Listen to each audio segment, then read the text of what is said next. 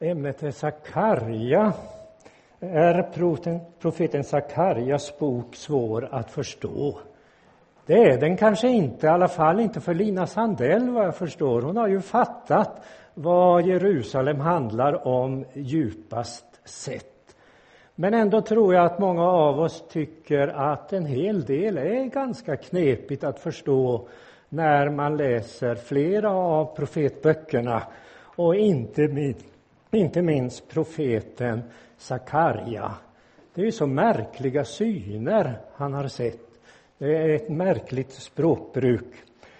Och därför ska jag inledningsvis beröra rätt mycket detta med det profetiska språkbruket. Hörs det? Eller ramlar den av? Så. Tackar. Eh, det är ju så med allting, om vi inte förstår Egil Edvardsen till exempel, han har ett konstigt språkbruk, han är ju norrman. Och vad säger han egentligen? Så eh, får vi inte del av det viktiga han vill, vill eh, tala om. Det är likadant med profeterna, förstår vi inte deras språkbruk? Och nu tänker inte jag på hebreiskan i första hand, utan just deras sätt att uttrycka sig med så många liknelser och bilder. Man behöver tränga in i varför använder de den bilden och vad menar han med den bilden och, och den liknelsen. Och dessutom växlar profeterna hela tiden mellan Guds vrede och Guds ofattbara kärlek, mellan lag och mellan evangelium, mellan lidande och frid, olycka och största lycka. Och man kanske inte riktigt hinner med när man läser och man missuppfattar lite grann vad det är frågan om. Men egentligen så är det stora huvudproblemet när det gäller, som, är, ja, som blir ett hinder för oss, det är den naturliga människans andliga mörker. Vi behöver upplysas. Och av vem? Vi behöver upplysas av Gud, den helige Ande. Vi behöver ha stora öron. Vi behöver lyssna, lyssna till honom, han som, som vet allt. Vad heter det om anden som eh, Messias, telningen från Isais rot, är beklädd med och som är utmärkande för alla tre personerna i den ende sanne guden? Jo, anden har vishet och förstånd. Det är anden med råd och styrka. Det är anden med kunskap. Det behöver vi lyssna till. Vi behöver undervisas av Gud den enda sanne guden så att vi förs från blindhet, från andlig blindhet, från mörker till ljuset. Profeterna är Andens män, de sanna profeterna. De kallas kort och gott med ett mycket bra ord för Guds mun. Gud har talat till oss, han har talat genom profeterna. Så det är grundläggande när man läser profetböckerna att man eh, möter dem och lyssnar med vördnad, för de för inte fram egna tankar, människofunderingar, utan de för fram den rätta tolkningen, den rätta förståelsen av vad som sker, vad som har skett och vad som ska ske. Det som är okänt och dolt för vanliga människor. Därför säger profeten att det jag nu säger, det kom till mig. Herrens ord kom till mig. Eller, detta är de syner som Herren lät mig se. Sakarja säger, jag lyfte min blick och fick se. Eller, Herrens ord kom till mig. När jag nu har sagt detta förstår vi hur snett och galet det blir om man nu förnekar detta grundläggande från början så som bibelkritiker gör. De förnekar från början själva poängen med det ord man studerar och rannsakar. De menar att här förkunnas vad människor har tänkt ut. Det är deras privata tro och deras privata funderingar. Det är ju det som utmärker, enligt Bibeln, falska profeter. Det står, de profeterar efter sitt eget hjärta. De följer sin egen ande utan att ha sett något. Eller det står, de har haft lögnaktiga syner och falska spådomar. Det är i synnerhet när profeterna talar om framtiden, och det gör de ofta, då kan det inte vara sant. För när vi talar om framtiden så blir det osäkra gissningar. Men profeten, eller Gud, den helige Ande, låter profeterna se också det som kommer långt fram. Kommer ni ihåg Jesaja som såg vad som hände på Golgata? Han använde ju förfluten tid, för han har ju sett allt sammans.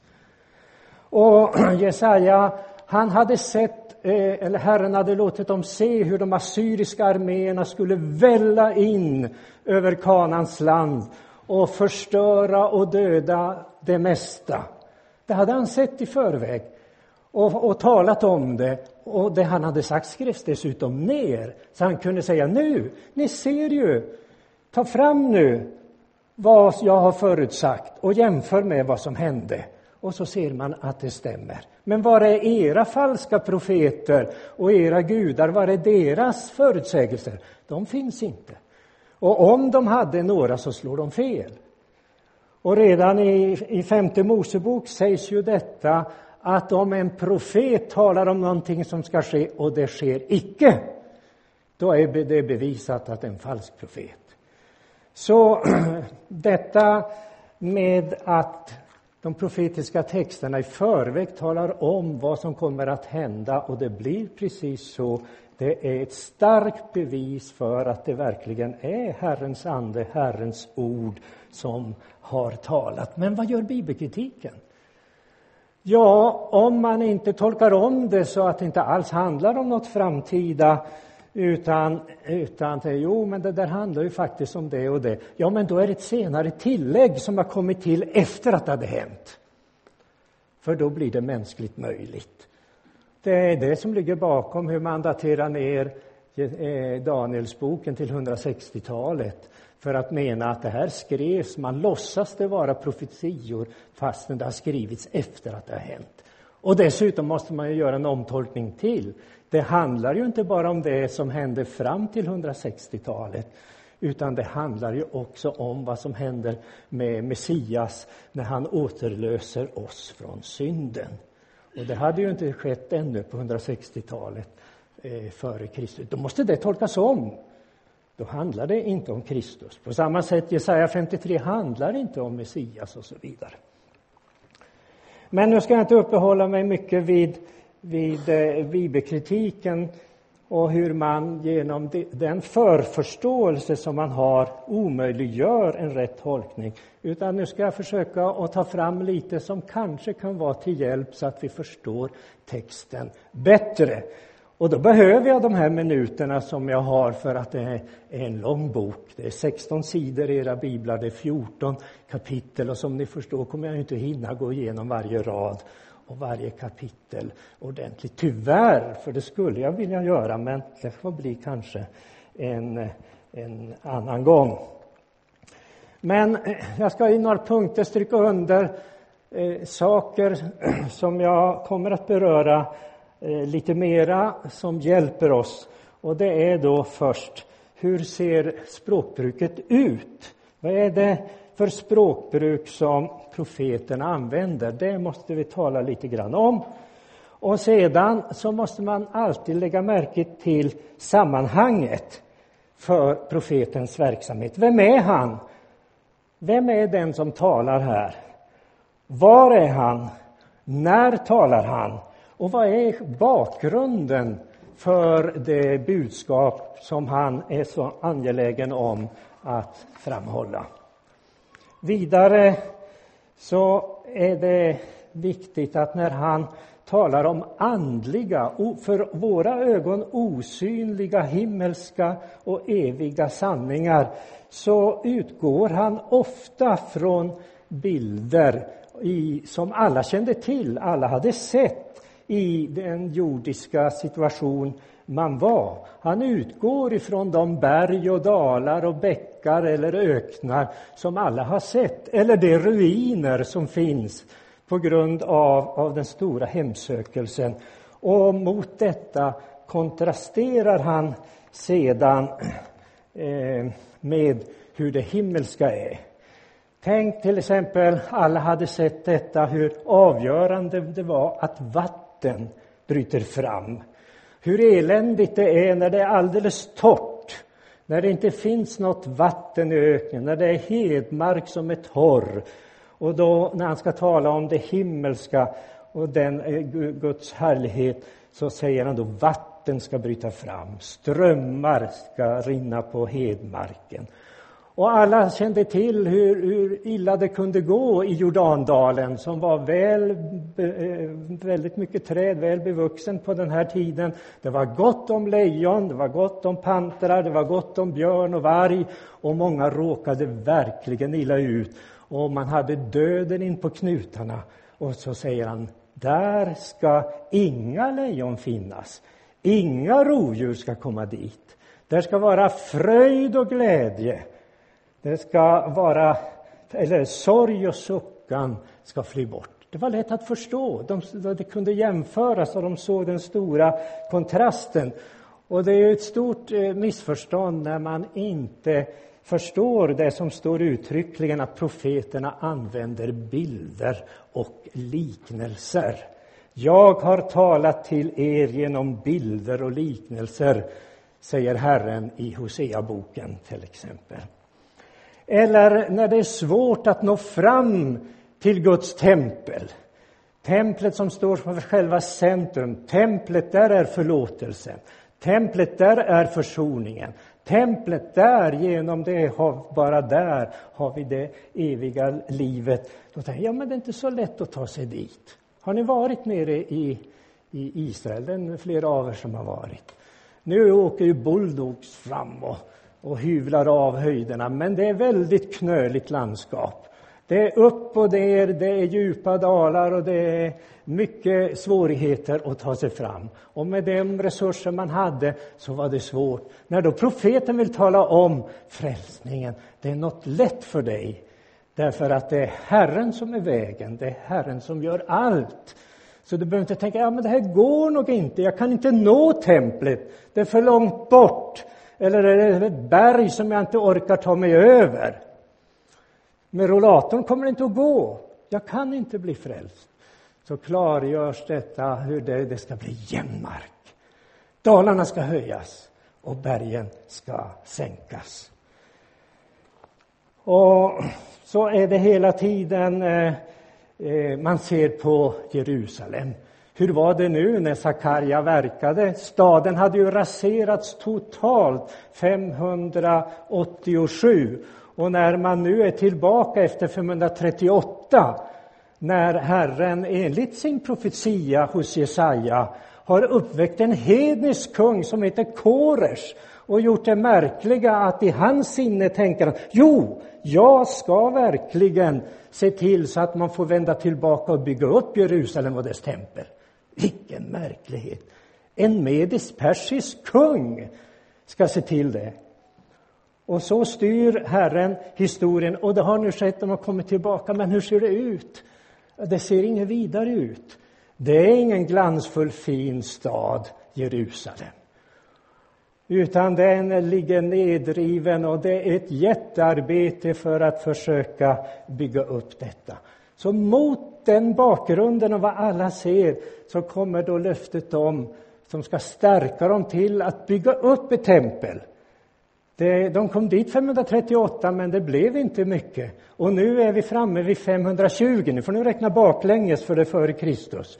Så 538, 37, 36, 35 och så ner 520 där. Då dyker Sakarja upp där tillsammans med sin vän Hagai. Och, och ingjuter mod. Och det enda som ger mod och lust, det är inte lagen, utan det är bara evangeliet. Och så lyfts detta evangeliskt löfte om en härlig stad. Och hur ska det gå till? Ja, det är allt för underbart, säger man. Jaha, visst är det allt för underbart. Men är det för underbart för mig, står det. Nu har några av er förberett er här och läst igenom Sakarja-boken, så jag behöver inte säga vilken vers är det, vilket kapitel får ni leta upp sen. Men det står precis i texten där. Det är allt för underbart. Ja, det är det. Men är det därför allt för underbart för mig, säger Herren. Och så skildras då en helt annan stad än den som de såg framför sig. Du arma så drabbad av stormar utan att få någon tröst. Jag ska mura dina stenar med spetsglan, lägga din grund med safirer. Jag ska göra dina tinnar av rubiner, dina portar av kristall, hela din ringmur av ädla stenar. Och allihop där inne ska vara Guds barn, ska vara Herrens lärjungar. För det var ju ett elände att några kämpade på, eh, en del eh, genom hyckleri, andra genom mera äkta fromhet. Men de flesta de, de var ganska så likgiltiga för, för Herrens ord och vilja. Men den här staden som det talas om med dessa vackra tinnar, där är alla Herrens lärjungar. Och hur är det med friden då? För det var inte mycket till frid i Jerusalem. Det var hot, de var omringade av fiender och det var ett elände. Jo, det heter alla dina barn ska ha frid. Friden ska vara stor. Deras rättfärdighet då? Ja, den var väl inte så mycket bättre än vad vi kan se hos oss, men de hade Herrens rättfärdighet. Herrens rättfärdighet var deras. Herren är din rättfärdighet. Deras rättfärdighet kommer från mig, säger Herren.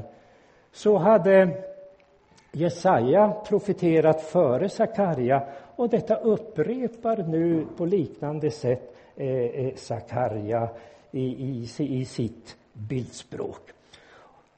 Och vi kan ju tänka på mycket annat som kanske är konstigt. Hur kan man använda David som en bild för Messias? Så mycket så till och med att Messias kallas för David på flera ställen i Hesekiel och på en del andra ställen. Så kallas David, långt efter det att den jordiske David är död, så kallas Messias i procent för David. På andra ställen så kallas han för Davids son. Och hur kan Messias liknas vid David? Hur kan han liknas vid Salomo? Jo, både Sakarja och David och Salomo har vissa saker som undervisar om hurdan eh, Messias är. Det är eh, en eh, partiell skuggbild, skulle man kunna säga, så det som skuggbilden vi talar om, det är inte att till exempel Messias skulle ha många hustrur som Salomo och David hade.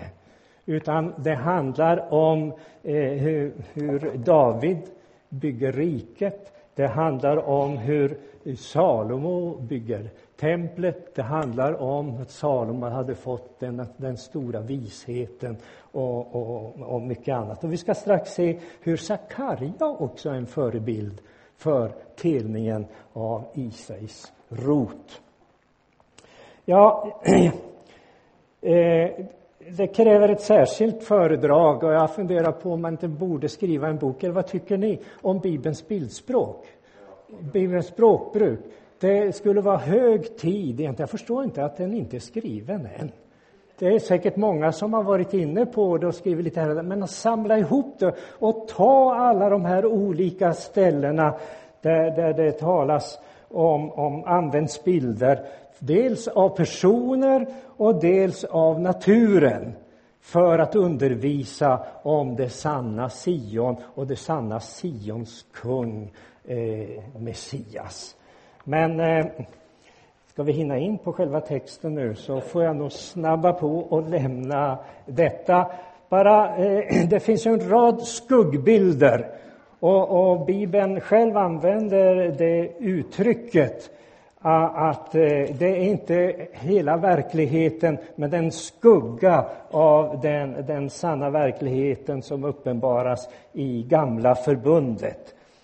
Och eh, det står till exempel, Hebreerbrevet uttrycker det så här att när det gäller lagarna i Gamla förbundet och förhållanden under den tiden så ger de en skuggbild av det goda som kommer, men inte tingen i deras verkliga gestalt. Hebreerbrevet 10. Och därmed är det viktigt att också förstå skillnaden mellan gamla förbundet och det utlovade nya förbundet. När Sakarja talar om eh, vad som ska hända med Jerusalem och, och det sanna Sion så är det många som tolkar det som en förlängning av det gamla förbundet. Och när eh, bilder används till exempel av Lövhyddehögtiden som var en viktig fest under gamla förbundet och, och, och, och, talar om det i, i samband med frälsningen så har man inte sett att vad man vill lyfta fram här är Guds omsorg och beskydd och den glädje man hade och därför firade under en hel vecka då lövhögtiden. Så ska det bli när frälsningen genom Messias har ägt rum. Det ska vara en tacksägelsefest som lövhögtiden var. Den ska vara tack och det ska vara glädje för att Gud har lett den genom ökenvandringen och beskyddat den.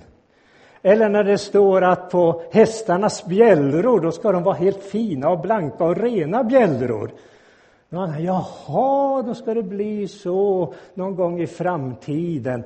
Det är väl så kanske att Putin gör på det viset och sen så kommer kanske Gaddafi, men han lever ju inte längre, men när han levde så kanske han skulle också hjälpa till och då skulle man kunna komma med fina ridhästar och ha väldigt blanka bjällror där. Vad handlar det om? Eh, ja, det kommer vi till, för det är mot slutet av Sakarja-boken.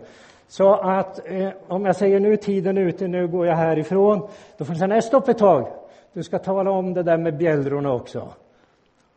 Och jag måste också hitta, hinna fram till när Herren ska stå på Oljeberget. Eller hur? Det måste också komma med på något sätt. Men hur ska vi hinna dit nu då? Ja, snabbt nu, vem är det vi talar om? Det är alltså Sakarja. Han eh, börjar sin bok genom att eh, inte liksom vara i ett skimmer här uppe, utan med fötterna ner i jorden exakt när det är frågan om i åttonde månaden av Darjavers andra regeringsår kom Herrens ord till profeten Sakarja, son till Berekia, son till Iddo, och han sa konkret, när var det? Och då vet vi att då är vi år 520, vi är i den eh, åttonde månaden och det motsvarar i vår, eh, för oss oktober-november. Oktober-november 520. Där träder Sakarja fram, Herrens ord, kommer till honom. Han är samtida med profeten Haggai och, som trädde fram två månader senare. Och det framgår av Nehemja att han hörde till prästfamiljerna inom Levis stam. Han återvände från exilen i Babylonien under Serubabels ledning och när Josua, inte den Josua som förde in folket efter Mose tid, utan en annan Josua som då är överste präst. Och det är Josua eh, eh, och Serubabel som, som leder arbetet. Och så får vi veta i Sakarja 2.4 att han var helt ung. Det har ni inte tänkt på kanske? Han var ung. Han var en narr. Det kan betyda pojke och det kan betyda yngling. Och det, och det är en ung tjänare. Säg till den unge mannen, står det. Och denne Sekarja är partiellt också en skuggbild av Messias. Det framgår av kapitel 11.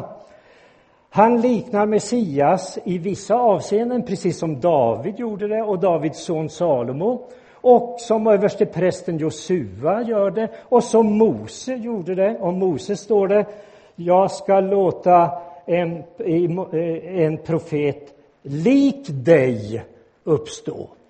Så det är flera likheter mellan Mose och Messias, också skillnader.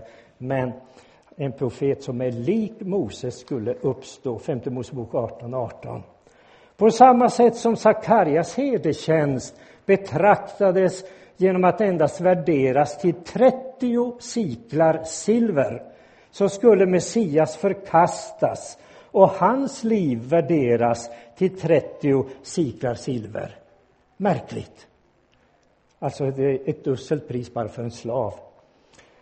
Och Sakarja blev senare dödad enligt Jesus mördad mellan templet och altaret. Enligt den arameiska targumen till Sakarias bok så blev han dödad som martyr. Det bekräftar vad Jesus säger i Matteus 23. Nå, när man nu ska börja då med eh, första delen av Sakarja-boken så ser eh, Sakarja sju märkliga syner. Jag säger sju, för att en av synerna kan delas upp i två, så då, då brukar man säga åtta syner. Men det ska nog, man ska säga, de sju nattliga synerna. Och jag ska blixtsnabbt gå igenom dem. Det måste bli blixtsnabbt nu. När man ska förstå vad de här synerna vill säga så är det viktigt att lägga märke till bakgrunden. Och den ger Sakarja tydligt och klart i inledningen. Han säger Herren var vred på era fäder. Herren väntade och väntade med att, eh, att låta den dom som kommer när man överger honom komma. Han hjälpte dem och väntade och väntade och väntade. Men till slut så förkastades de tio stammarna. De fördes bort från Samaria och Nordriket 722 och 587 så var det dags också att Jerusalem lades i ruiner och man fördes bort till Babylonien.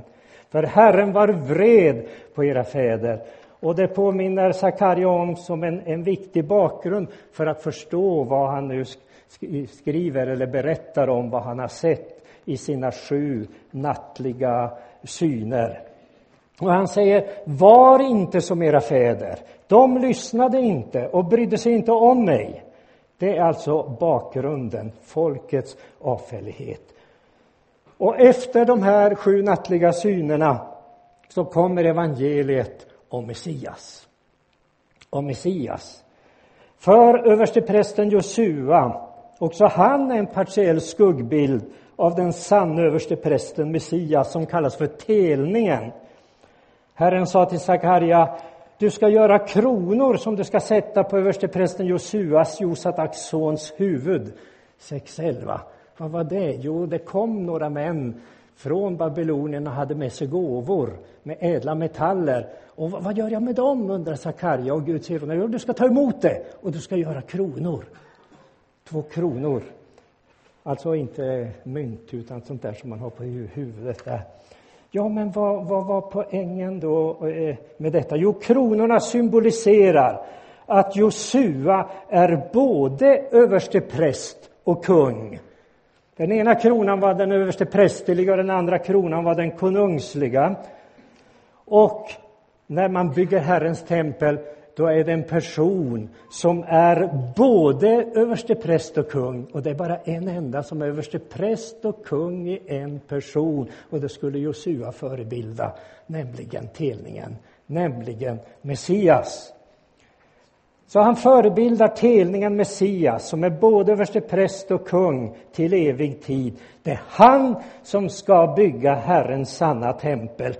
Kommer ni ihåg hur det var enligt Andra Samuelsboken när David säger ja men inte kan det vara på det viset att Gud bara ska bo i tält och jag i ett palats. Jag ska bygga ett tempel åt honom. Du ska inte bygga något tempel åt mig. Det är jag som ska bygga templet. Just så. Herren ska bygga templet. Ja, men varför låter han då Davids son Salomo bygga templet? Jo, i och med detta så blir Davids son en förebild för Messias som bygger templet. Så säger Herren till David, skulle du bygga mig ett hus att bo i? Herren ska bygga ett hus åt dig. Dina avkomlingar ska bygga, din avkomling ska bygga ett hus åt mitt namn. Ja, det gör ju avkomlingen Salomo, men han är bara en förebild för den sanne avkomlingen som bygger huset, nämligen Messias. Jag ska befästa hans kungatron för evigt. Så precis som skuggbilden Salomo fick bygga Herrens tempel som en skuggbild för den sanne Davidssonen Messias, ska nu skuggbilden Josua bygga upp templet igen och han ska därför markera att han är både överste präst och kung. Men vad sa nu Jesus då om det tempel som stod där så otroligt vackert på Jesu tid när han gick här? Det ståtliga tempelbygge som förstördes av romarna år 70 efter Kristus. Jesus sa, riv ner det här templet så ska jag resa upp det på tre dagar. Messias talade om sig själv. Han är det sanna templet som uppstod på tredje dagen. Och nu då till, hinner jag säga någonting? Ska jag hoppa över de nattliga synerna? Säga snabbt, snabbt Den första handlar om mannen på den röda hästen. Och mannen på den röda hästen, det är Herrens särskilde utsände. Malach Adonai. Och det vet vi vem det är, det har Jesus sagt. Jag har inte kommit av mig själv. Jag är den utsände. Och i våra översättningar så översätts utsände, budbärare eller ängel. Ängel, Herrens ängel. Visst har ni läst om Herrens ängel som är i den brinnande busken? Och vem är Herrens ängel? Det är Gud själv. Den treenige guden har en särskild utsände, det är hans evige son. Och här står det först om, om honom. Eh, han är på, på, den röda hästen. Det är Herrens särskilda utsände ängel, Guds evige son. Mitt hus ska byggas där, heter det då i denna första syn. Den andra synen det är om hornen och smederna, kan jag ta kort. Det handlar om både dom och frälsning. Sions motståndare kommer att krossas och det blir till vår räddning. Och den tredje synen, mannen med mätsnöret, jo det är också evangelium. För Sion är för litet. Det man hade här, och nu var ju murarna nedrasade och man försökte ju bygga upp dem igen och Nehemja kommer eh, hundra år senare och kämpar för att bygga upp det. Men det Jerusalem som talas om här, det är mycket större. Det kan inte ha någon mur där, därför i det Jerusalem så kommer hedningar att inympas i den rest från judafolket som vänder om. Bara en rest kommer att vända om, betonar flera flera eh, texter. Så det är ganska intressant med mannen med mätsnöret, det är i andra kapitlet. Det sanna Sion är mycket större än det geografiskt begränsade Jerusalem. Det har fler, långt fler invånare. Och det ska då se ut som om det är en obefäst stad. Men det är det inte. De som bor i det sanna Jerusalem som är mycket större, ett rike som sträcker sig ändå till, till världens yttersta gräns, står det. Inte begränsat bara till Kanans land. Det är ändå inte obefäst. I det sanna Sion, det sanna Jerusalem, där bor människorna trygga därför att det är Herren själv som är muren. Det är frälsningen som är muren. Det är lovsången som är muren, lovsången över Herren som har räddat dem. Och det är Herren som är stadens härlighet. Det ja, får vi veta. Solen ska inte mer vara ditt ljus om dagen, månen ska inte lysa eh, dig med sitt sken. Herren ska vara ditt eviga ljus, din Gud ska vara din härlighet, sa Jesaja före Sakarja. Och här står det många hedna folk ska på den dagen ansluta sig till Herren och bli mitt folk. Ja, det hade Jesaja sagt tidigare. Han hade sagt nu blir du för trång att bo i och det som slukade dig ska vara långt borta, läser vi i Jesaja 49. Den fjärde synen handlar om nya kläder för översteprästen, kapitel 3. Och det är också evangelium om Messias och syndaförlåtelsen. Det är den gudsgärning som gör att Satan inte kan anklaga. Satan är där och ska anklaga, men denna Messias gärning övervinner Satans anklagelser mot tempelbyggaren, översteprästen Josua. Så istället för orena kläder så får Josua högtidskläder. Och det står, jag har tagit din missgärning från dig. Så då förstår vi vad det är frågan om. Och det står, jag ska låta min tjänare telningen komma, alltså Messias. Jag ska utplåna detta lands missgärning. När då och hur då? På en enda dag. Det är tydliga och klara ord. Den femte synen handlar om ljusstockarna av guld och olivträden. Ja, det är nog för långt om jag tar alla de här synerna. Det får bli nästa föredrag. Men de är så spännande och, och intressanta. En del kanske und har undrat över den flygande bokrullen och kvinnan som kommer i sjätte synen. Ska jag ta det också? Jaha. Det handlar om Guds vredesdom. Bokrullen, då vet alla att jaha, det är alltså tredje Moseboken om förbannelsen och femte Moseboken om förbannelsen från 28 kapitlet. Den flygande bokrullen är Guds vredesdom över den ständiga, det ständiga trotset och olydnaden mot Guds ord. Och synen vittnar om hur denna förbannelse drabbat landet. Det är på grund av detta avfall som det har gått så illa för landet och de har förts bort och landet ligger nu i, i ruiner. Och ondskan bakom avfallet, den är, det är väldigt dolt. Det är under eh, locket på sädeskorgen. Och det är en symbol för ondskan som finns under det locket, men det uppenbaras, locket tas av så att, eh, och eh, ondskan som är dold där under skiljs från Guds sanna rike och förs bort till, till Babel, som det står i den här, i den här synen. Ja, sjunde synen om de fyra vagnarna är också så, så fantastiskt. Det handlar om dom och frälsning. Men jag får spara det där, för annars hinner nog jag inte till, till Messias på Oljeberget, eller Olivberget också. Efter de här sju nattliga synerna så kommer det undervisning om den sanne översteprästen i, i 6, 9 till och med 15. Och det är väldigt tydlig undervisning om Eh, hur Messias ska bygga Herrens tempel, det sanna templet. Hur, hur man, eh, han ska vinna härlighet, han ska sitta på sin tron och regera och han ska vara både präst och kung på sin tron för evigt. Så det sanna templet, det är Messias och hans sanna lärjungar, de är levande stenar, säger Petrus, i detta tempel. Och fjärran ifrån ska man komma för att bygga Herrens tempel, står det. Det ska inte det ska komma också hedna folk. Men det här var ju inget nytt, det ingick ju förbundet till Abraham.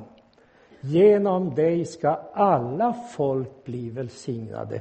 Det skulle inte bara vara en välsignelse över Jakobs tolv stammar utan en välsignelse över alla släkten och alla folk. Så det nya templet med lärjungar i detta tempel är från alla släkten och folk. Men sen kommer sjunde, och eh, det är typiskt, då kommer vi med våra gärningar och nu ska vi hjälpa till här och så frågar man Sakarja, men hur gör vi med fastan nu då? Vi har ju fastat nu eh, allt sedan templet förstördes 587. Ska, hur ska vi göra med det? Och då blir svaret där, ert fastande det är hyckleri. Ni låtsas vara fromma och ni låtsas vara lydiga och följa eh, Herrens ord, men i själva verket så är, är ni, vänder ni Herren ryggen. Ni, är, eh, ert fastande kombineras med upproriskhet mot Guds ord. De stängde sina öron så att de inte hörde. De gjorde sina hjärtan hårda som diamant så att de inte hörde den undervisning och det ord som Herren Sebaot genom sin ande hade sänt genom forna tiders profeter. Så har nu landet blivit öde efter dem.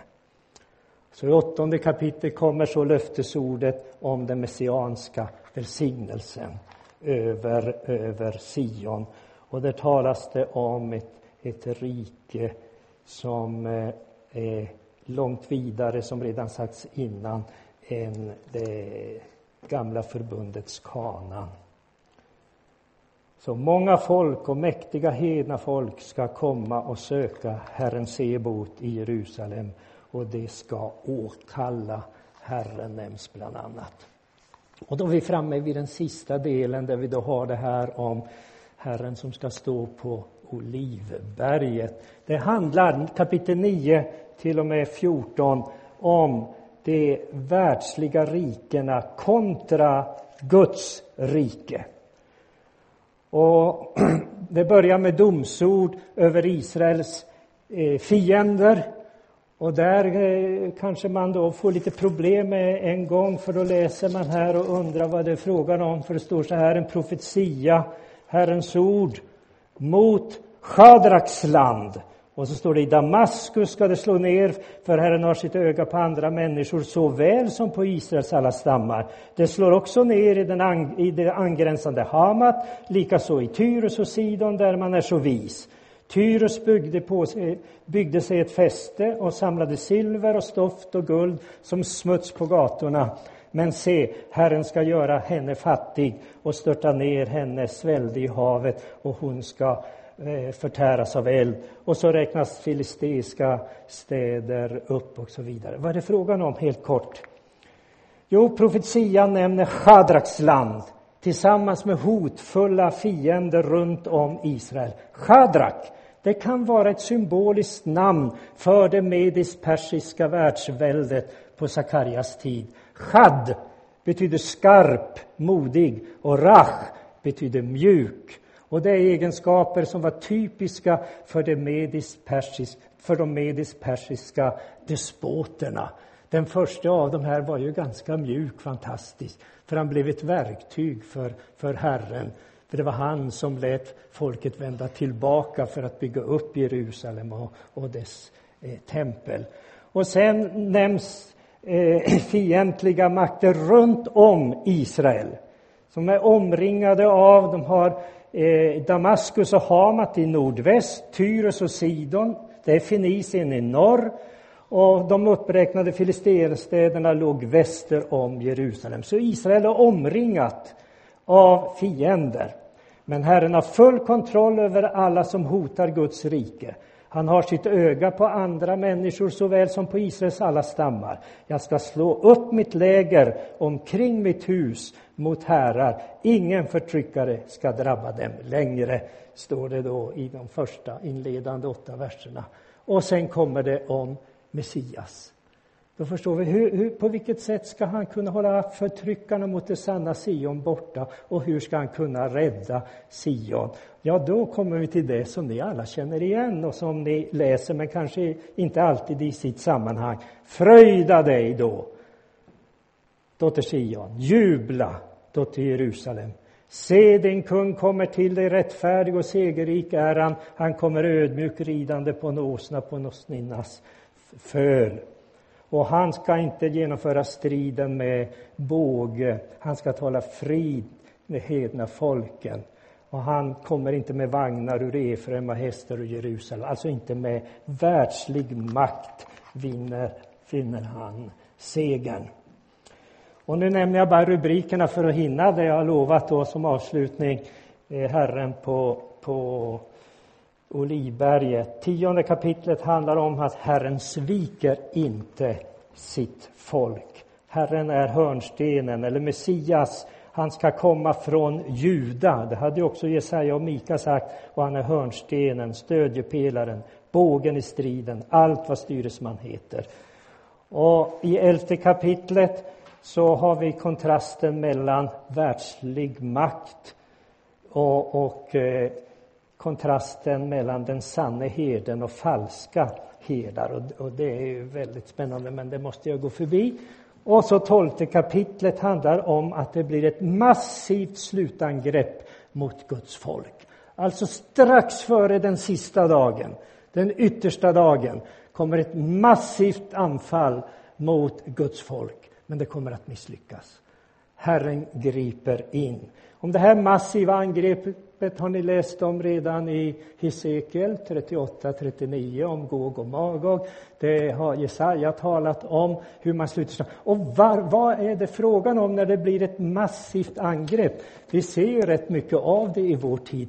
Jo, när det rena evangeliet tystnar. Och nu är det ganska tyst. Det är inte helt tyst, men det är ganska tyst med det rena evangeliet. Vad händer då? Jo, evangeliet det fjättjar Satan. Det läste vi tidigare här, hur Satan som anklagade översteprästen Josua, han måste dra sig undan från evangeliet. Evangeliet fängslar honom. Och det som fängslar honom berättas det om i, i, i Uppenbarelseboken 20. Det är liknande en kedja som håller honom, ungefär som ett rasande vilddjur. Så det står inte att kedjan är bara så här, här lång, utan den kanske, är, kanske når nästan till egel, så det är fem meter sådär. Men tänker en, en riktigt vilddjur där så, så backar man ju och är glad att, det, att, att kedjan ändå håller så att man inte blir riven i stycken. Och då står det när evangeliet tystnar. Ja, då förlängs den där kedjan, då får Satan fritt spelrum och kan härja. Och det, det står här i Sakarja, det är Satan som ligger bakom alla dessa makter som nu tar chansen att angripa Guds folk från alla sidor. Satan ligger bakom detta angrepp. Och det är ju så spännande så det skulle vi stanna, eh, stanna mycket till. Men här har vi det massiva slutangreppet talar Sakarja om ett par gånger och först och främst i kapitel 12, vers 1 till och med 9. Därefter talas det om ånger och tro. Omvänd er, tro. Och här används bilden av hur, hur det var med den stora sorgen över synden och avfallet i samband med att kung Josia blev dödad i Megiddopasset år 609 f.Kr. Det nämns här som en parallell, så liknelsevis i det här sammanhanget. Så kommer kapitel 13. Och där handlar det om rening från synden genom den sanne herden. Och här är det ju så många detaljer som ni kanske blir arga på mig för att jag inte går in på. Men vad ska jag göra när jag inte hinner?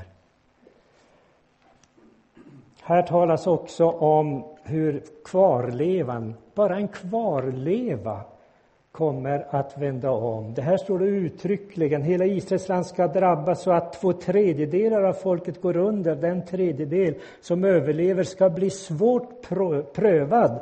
Och så talas om kvarlevans eh, eh, svårigheter. Så kommer vi då till kapitel 14 som handlar om Herrens dag med slutlig dom och den slutliga befrielsens dag. Vers 1-5, där eh, nämns igen av Sakarja Herrens dag. Herrens dag kan betyda allmänt, Herren griper in, men här syftar det på just hans stora ingripande när eh, i samband med den sista dagen efter det här slutanfallet mot Guds folk. Då griper Gud in och det blir Guds slutliga seger, Guds befrielse. Det jordiska Jerusalem förblir inte för evigt. Det intas och plundras på grund av det stora flertalets ständiga upproriskhet mot Herren. Och det skedde ju flera gånger under historien. Det skedde 701, 587, det skedde år 70 efter Kristus. Men strax före den slutliga befrielsen av Guds sanna folk har, som vi sedan sett, ett slutligt våldsamt angrepp ägt rum från alla hedna folk.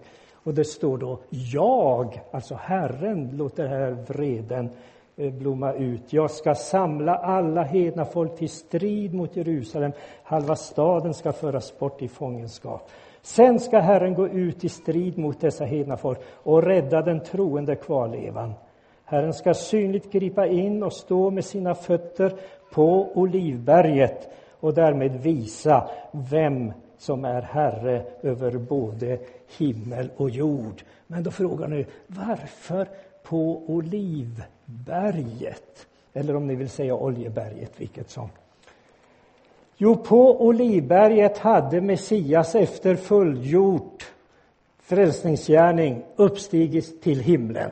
Han lyftes upp och ett moln tog honom ur deras åsyn. Två män i vita kläder stod plötsligt där och lovade de församlade lärjungarna. Denne Jesus, som togs upp från er till himlen, han ska komma tillbaka. Hur då? Just det, han ska komma tillbaka på Livberget. Han ska komma tillbaka på samma sätt som ni såg honom stiga upp till himlen. När Jesus undervisade om framtiden och den yttersta dagen så lovade han Människosonen ska komma på himlens mål med stor makt och härlighet. Det vill säga precis så som Daniel hade sett långt tidigare i nattlig syn. En som liknade en människoson kom med himlens skyar. Åt honom gavs makt och ära och rike och hans välde är ett evigt välde som inte ska ta slut. Hans rike ska inte förstöras. Hans återkomst betyder evig dom över alla avfälliga och evig frälsning för sitt sanna folk. Den troende resten i vilken människor från alla stammar, språk, länder och folk har inympats. Och det är en omvälvande dag, denna domens dag. Det blir jordbävning, det bävar, Olivberget klyvs mitt i ty. Och det betyder att Guds fiender drabbas av Guds dom. Men den troende resten då, den räddas. Den räddas undan genom den dalklyfta som bildas, står det.